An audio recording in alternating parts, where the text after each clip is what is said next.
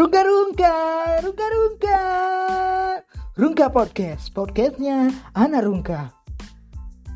Ya, setelah sekian tahun kita vakum, berabad-abad kita vakum, terakhir kita bikin podcast itu sekitar tahun 1996 3025. Nah, sekarang akhirnya kita kembali untuk memenuhi undangan dari Spotify karena mereka telah mendesak pihak Rungka untuk membuat podcast segera untuk meramaikan uh, khasanah perpodcastan duniawi Indonesia ini. Nah, sekarang kan lagi suasana lagi genting-genting banget nih ya. Suasana lagi nggak menentu banget nih. Apalagi buat-buat kita-kita ini yang seniman-seniman desa, seniman-seniman mikro di luar sana yang uh, ingin berkarya tapi tidak punya uang untuk membeli cat akrilik walaupun akrilik reverse tapi sangat susah untuk membelinya. Tapi tidak apa-apa. Tetap semangat untuk seniman-seniman walaupun uh, sedang pandemi ini.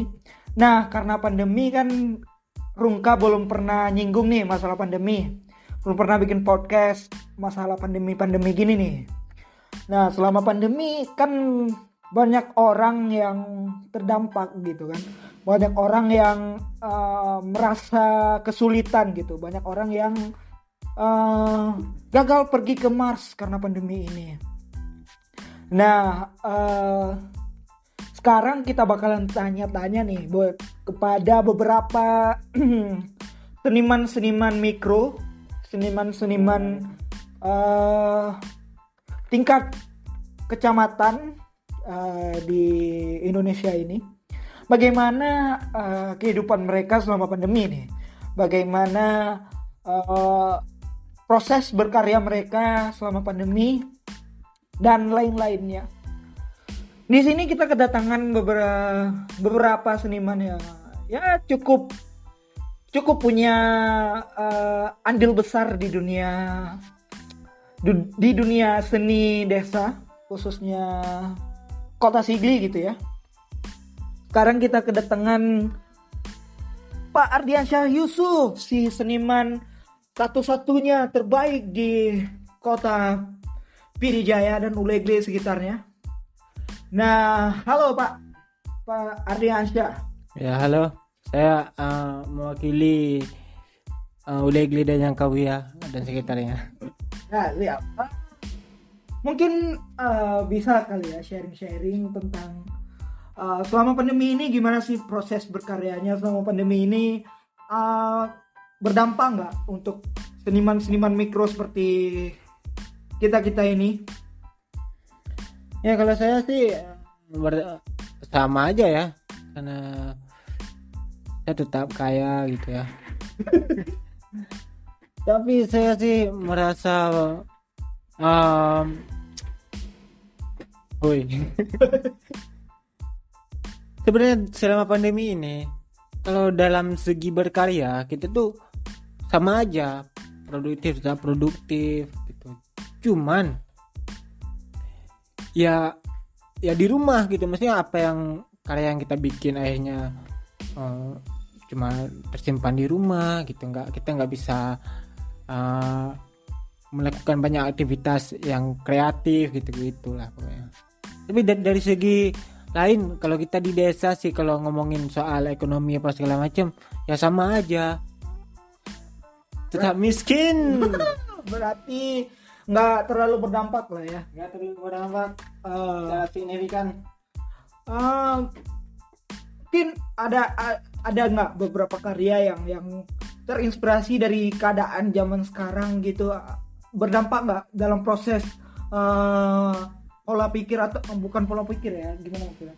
Kayak uh, proses pengkaryaan ide dan lain-lain. Pandemi ini ya, berdampak nggak? Apakah ini jadi suatu hambatan atau memang jadi hal yang menguntungkan gitu? Uh, justru uh, keadaan sekarang sih maksudnya memang banyak timbul ide-ide baru sih. Terlebih karena kita lebih sering di rumah gitu lebih sering merenung ide-ide baru itu justru mendatang semakin banyak. Cuman ya kembali itu tadi maksudnya kita emang uh, bikin karya gitu. Tapi ya udah akhirnya cuma segitu doang gitu. Kita nggak nggak bisa explore lebih jauh kita apaan sih maksudnya itulah oh. Uh, tapi juga ada aku lihat nih ya di di di di, di Instagramnya Pak Ardi ini selama pandemi ini kayaknya lebih produktif gitu. Jadi lebih produktif dan banyak karya-karya anda yang yang dilirik oleh brand-brand dan uh, apa oleh beberapa instansi gitu ya. Bisa diceritain nggak gimana? Kok kok bisa gitu kok bisa jadi makin produktif kok bisa jadi banyak kejual gitu karya-karyanya? Ya karena itu tadi ya. Kayaknya semakin semakin uh, rajin sih. Maksudnya kita harus memak maksudnya kalau saya itu uh, dipaksain dipaksain kalau tadinya dulu kan kita banyak aktivitas di luar nih.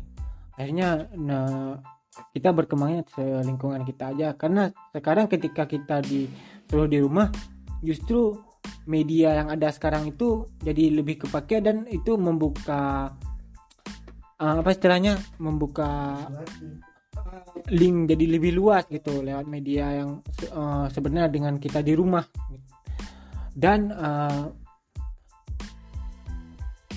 saya juga sebenarnya nih sedang mengejar umur saya kan udah tua nih.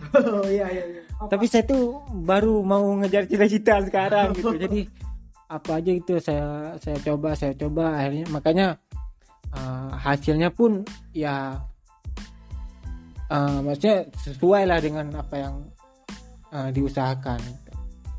Kalau kalau dulu kan uh, karena lebih banyak main gitu jadi berkaya ya cuma kepuasan hati doang sekarang kayaknya harus lebih uh, bisa menghasilkan dari situ. Terlebih lagi uh, apa tadi kreativitas yang yang di luar ruangan itu jadi terbatasi otomatis lebih sering berkaya di kamar dan disebarkan ke mana-mana.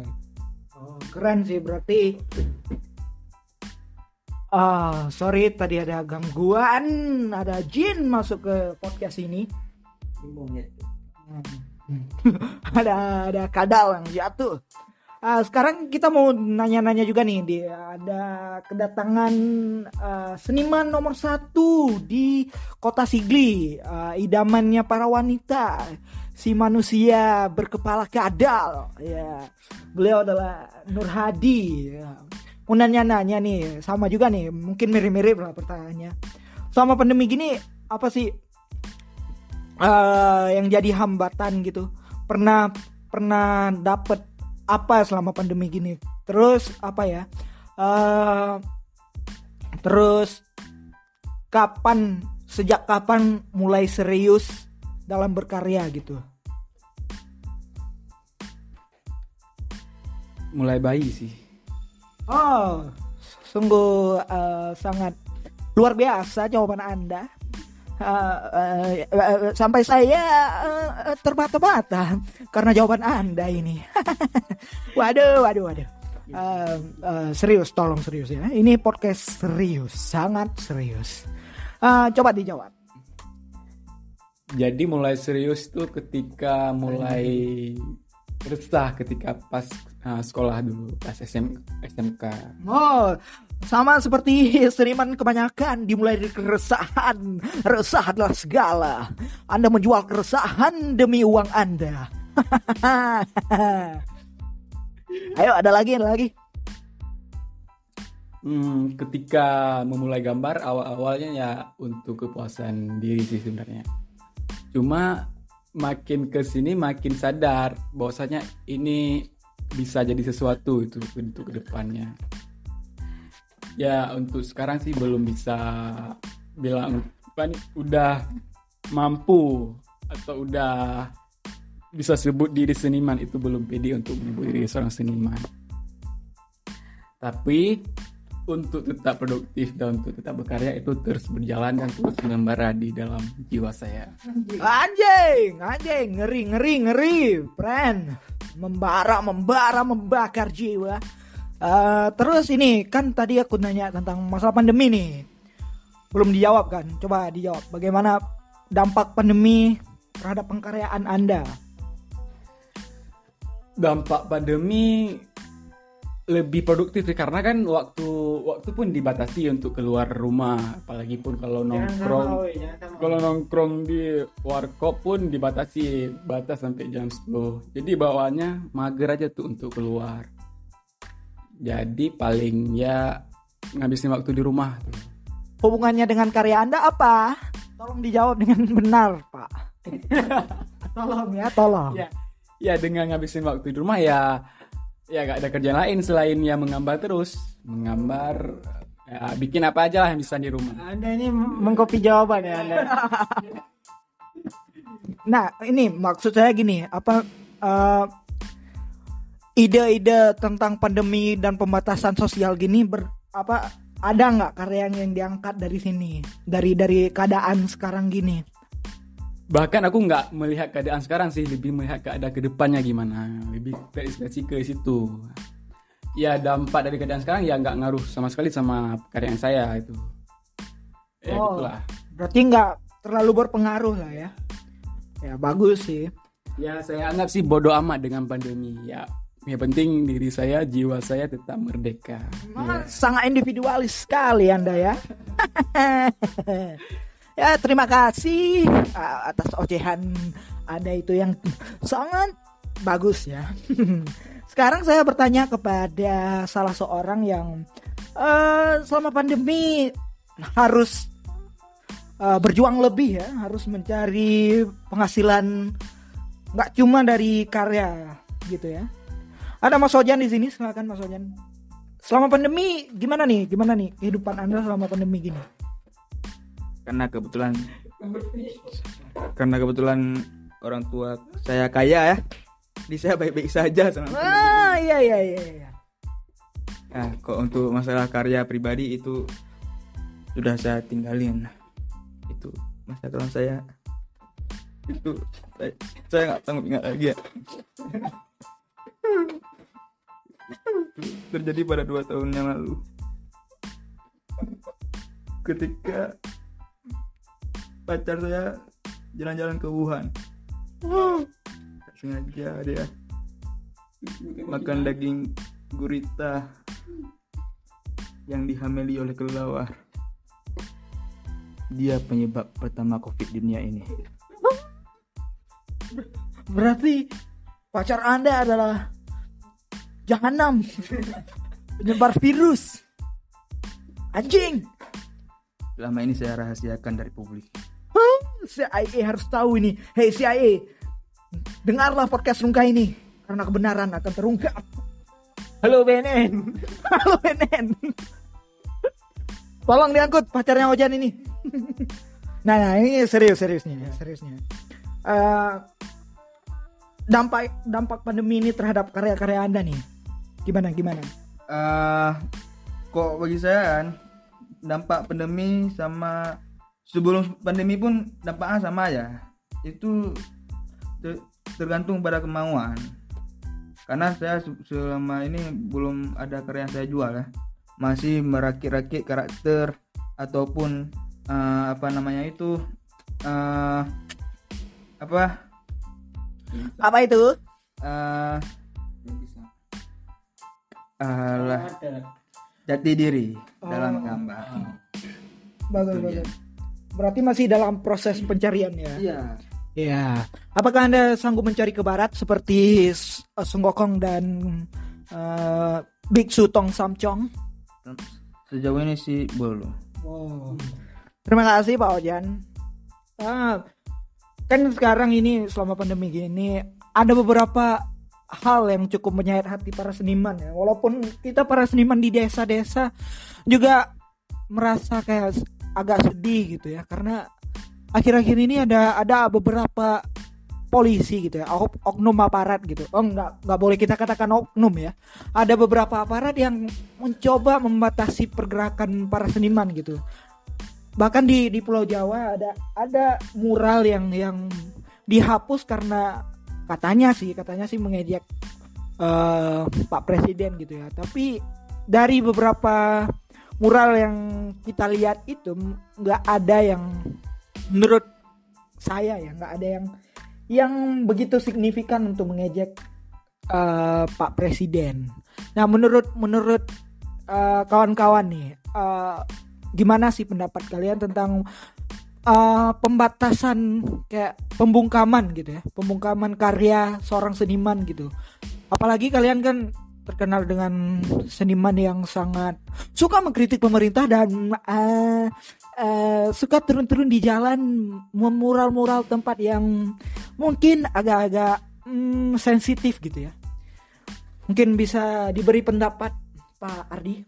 Ini itu lebih ke Nur Hadi, Nur Hadi dulu kayaknya. oh Nur Hadi dulu. Silakan Pak Ya ketika seniman turun ke jalan untuk berkarya dan itu dampak ke hukum, ya itu bahaya sebenarnya. Ya bahaya ketika seorang berkarya itu di- ditangkap. Ya itu sangat bahaya. Ah, apa sih anda eh bahaya bahaya ayo cepat Anda yang bahaya. ya seniman ini bebas sebenarnya. Bebas. Ya itu sih. Nah, tidak berbobot. Silakan Pari, mungkin bisa lebih ditambahkan. Eh, eh, sebenarnya bagus ya. Kok bagus kan, hey, ya kan itu eh, menggotori tempat-tempat umum gitu. Jadi apalagi presiden kita itu kan kita harus menghormati, harus mencintai presiden kita. Nggak boleh kita kalau pokoknya yang berdampak untuk presiden, berdampak untuk negara itu nggak boleh. Tapi kalau yang berdampak untuk masyarakat gitu enggak apa-apa biarin aja gitu. Tapi kalau yang ini dampaknya ke negara nih harus segera ditindak. Karena ini negara kita kan kuat gitu kan. Undang-undangnya kuat gitu. Pokoknya ya seniman itu tahu diri lah. Kan bisa bikin karya di buku gambar gitu kan pakai krayon. Ngapain lah ngapain coret-coret rumah orang itu ah nggak nggak bagus itu. Kan udah ada tempatnya tuh. Tempat untuk pasang poster untuk pasang spanduk gitu. Ke ibu ini ibu itu kan. Itu lebih bagus. Ibu apa tuh? Ah, ketika kita jalan gitu ada poster-poster bapak-bapak pakai peci ada tulisan-tulisan motivasi itu menyenangkan hati kalau kita lihat. Daripada coret-coret nggak jelas itu tuh. Mengkotori dinding milik tempat umum lah pokoknya karena kan karya itu nggak semua bisa dinikmati. Cobalah toh bikinlah kaligrafi misalnya. Itu kan lebih bagus gitu. Cuman susah juga karena mungkin ada orang yang dia kencingnya nggak nggak suci ya dibersihin. Ntar kalau ada kaligrafi itu juga bisa bikin dosa kalau dia sentuh. Artinya nggak boleh juga itu bikin mural macam-macam. Ya artinya bagus lah pokoknya. Karena kita kita itu harus mencintai presiden kita. Ya insya Allah oke DPR lah. Ternyata anda punya maksud ya, maksud terselubung. Nah, sekarang Pak Ojan nih, Pak Ojan nih, gimana nih Pak Ojan? Kok saya saran dari saya nggak usah ini coret-coret gitu nggak bagus. Buang-buang duit habis itu meresahkan ibu bapak beliau. Kok, kok saya ya siapa saja. Kok saya langsung ke pindah negara aja. Oh iya iya bagus bagus sih. jangan nggak jangan nggak ribet dah. Iya iya iya. urus urus apa itu namanya? Urus beasiswa. Oh harus beasiswa biar bisa ke apa? Ke Swedia Selatan untuk berkelahi dengan beruang. Nah. Oke, thank you friend-friend sekalian. Ah, sangat memotivasi ya malam ini sungguh sangat serius berbeda dengan podcast podcast Sungka sebelumnya kali ini sangat serius gitu Eh, terus maafkan juga karena mungkin suaranya agak kemeresak atau gimana gitu. Maklum kita masih podcast skala mikro gitu ya. Masih podcast anak-anak desa. Ya terima kasih seniman-seniman desa sekalian. Mungkin eh, kita bisa berjumpa di minggu lalu. Terima kasih. Oh ya sebelum sebelum kita cabut nih ya, sebelum kita cabut hampir lupa nih. Mungkin ada pesan-pesan gitu buat eh, orang-orang yang mau jadi seniman, pesan-pesan dari anak desa, atau mungkin mau eh, ngata-ngatain atau ngehujat-hujat seniman yang udah terkenal karena kalian belum terkenal gitu. Eh, silakan pesan-pesan. Ardi. Bismillahirrahmanirrahim. Em, buat untuk kalian semua anak-anak muda yang ingin menjadi seniman le- le- lebih baik mulai sekarang simpankanlah itu. Cita-cita kalian simpanlah. Simpan lebih baik berpikir untuk masa depan lebih cerah belajar sungguh-sungguh lebih giat lagi lebih rajin patuhi orang kedua orang tua lebih patuh lah pokoknya saat ini kan pendaftaran CPNS lolosnya lebih mudah. Untuk apa menjadi seniman menjadi seorang pemba- penyair menjadi pem- pemain film pendek? Untuk apa itu? Untuk apa? Menjadi seniman? Lebih baik menjadi PNS menjadi wakil rakyat. Itu yang sekarang adalah segala-galanya ya kan? Atau menjadi satpol pp minimal. Bisa. Rambak-rambak meja orang. Banyak banget. ya intinya gitulah ya. Sekian dari saya Ardiansyah Yusuf. Jangan lupa di follow Instagram saya. Ada di bawah ya. Terima kasih Oke oke terima kasih. Ada pesan dari Pak Ojan silakan Pak. Ya, kok menurut saya anak-anak bangsa ini bagusnya jadi ini. Jadi jadi presiden semuanya. Minimal tiga. Wes. Ya. Ketika presiden kita ada tiga orang itu, maka menterinya lebih banyak. Ketika menteri lebih banyak, masyarakat lebih sedikit.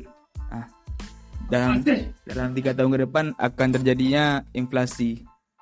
Inflasi penduduk. Ya. Sungguh sangat luar biasa.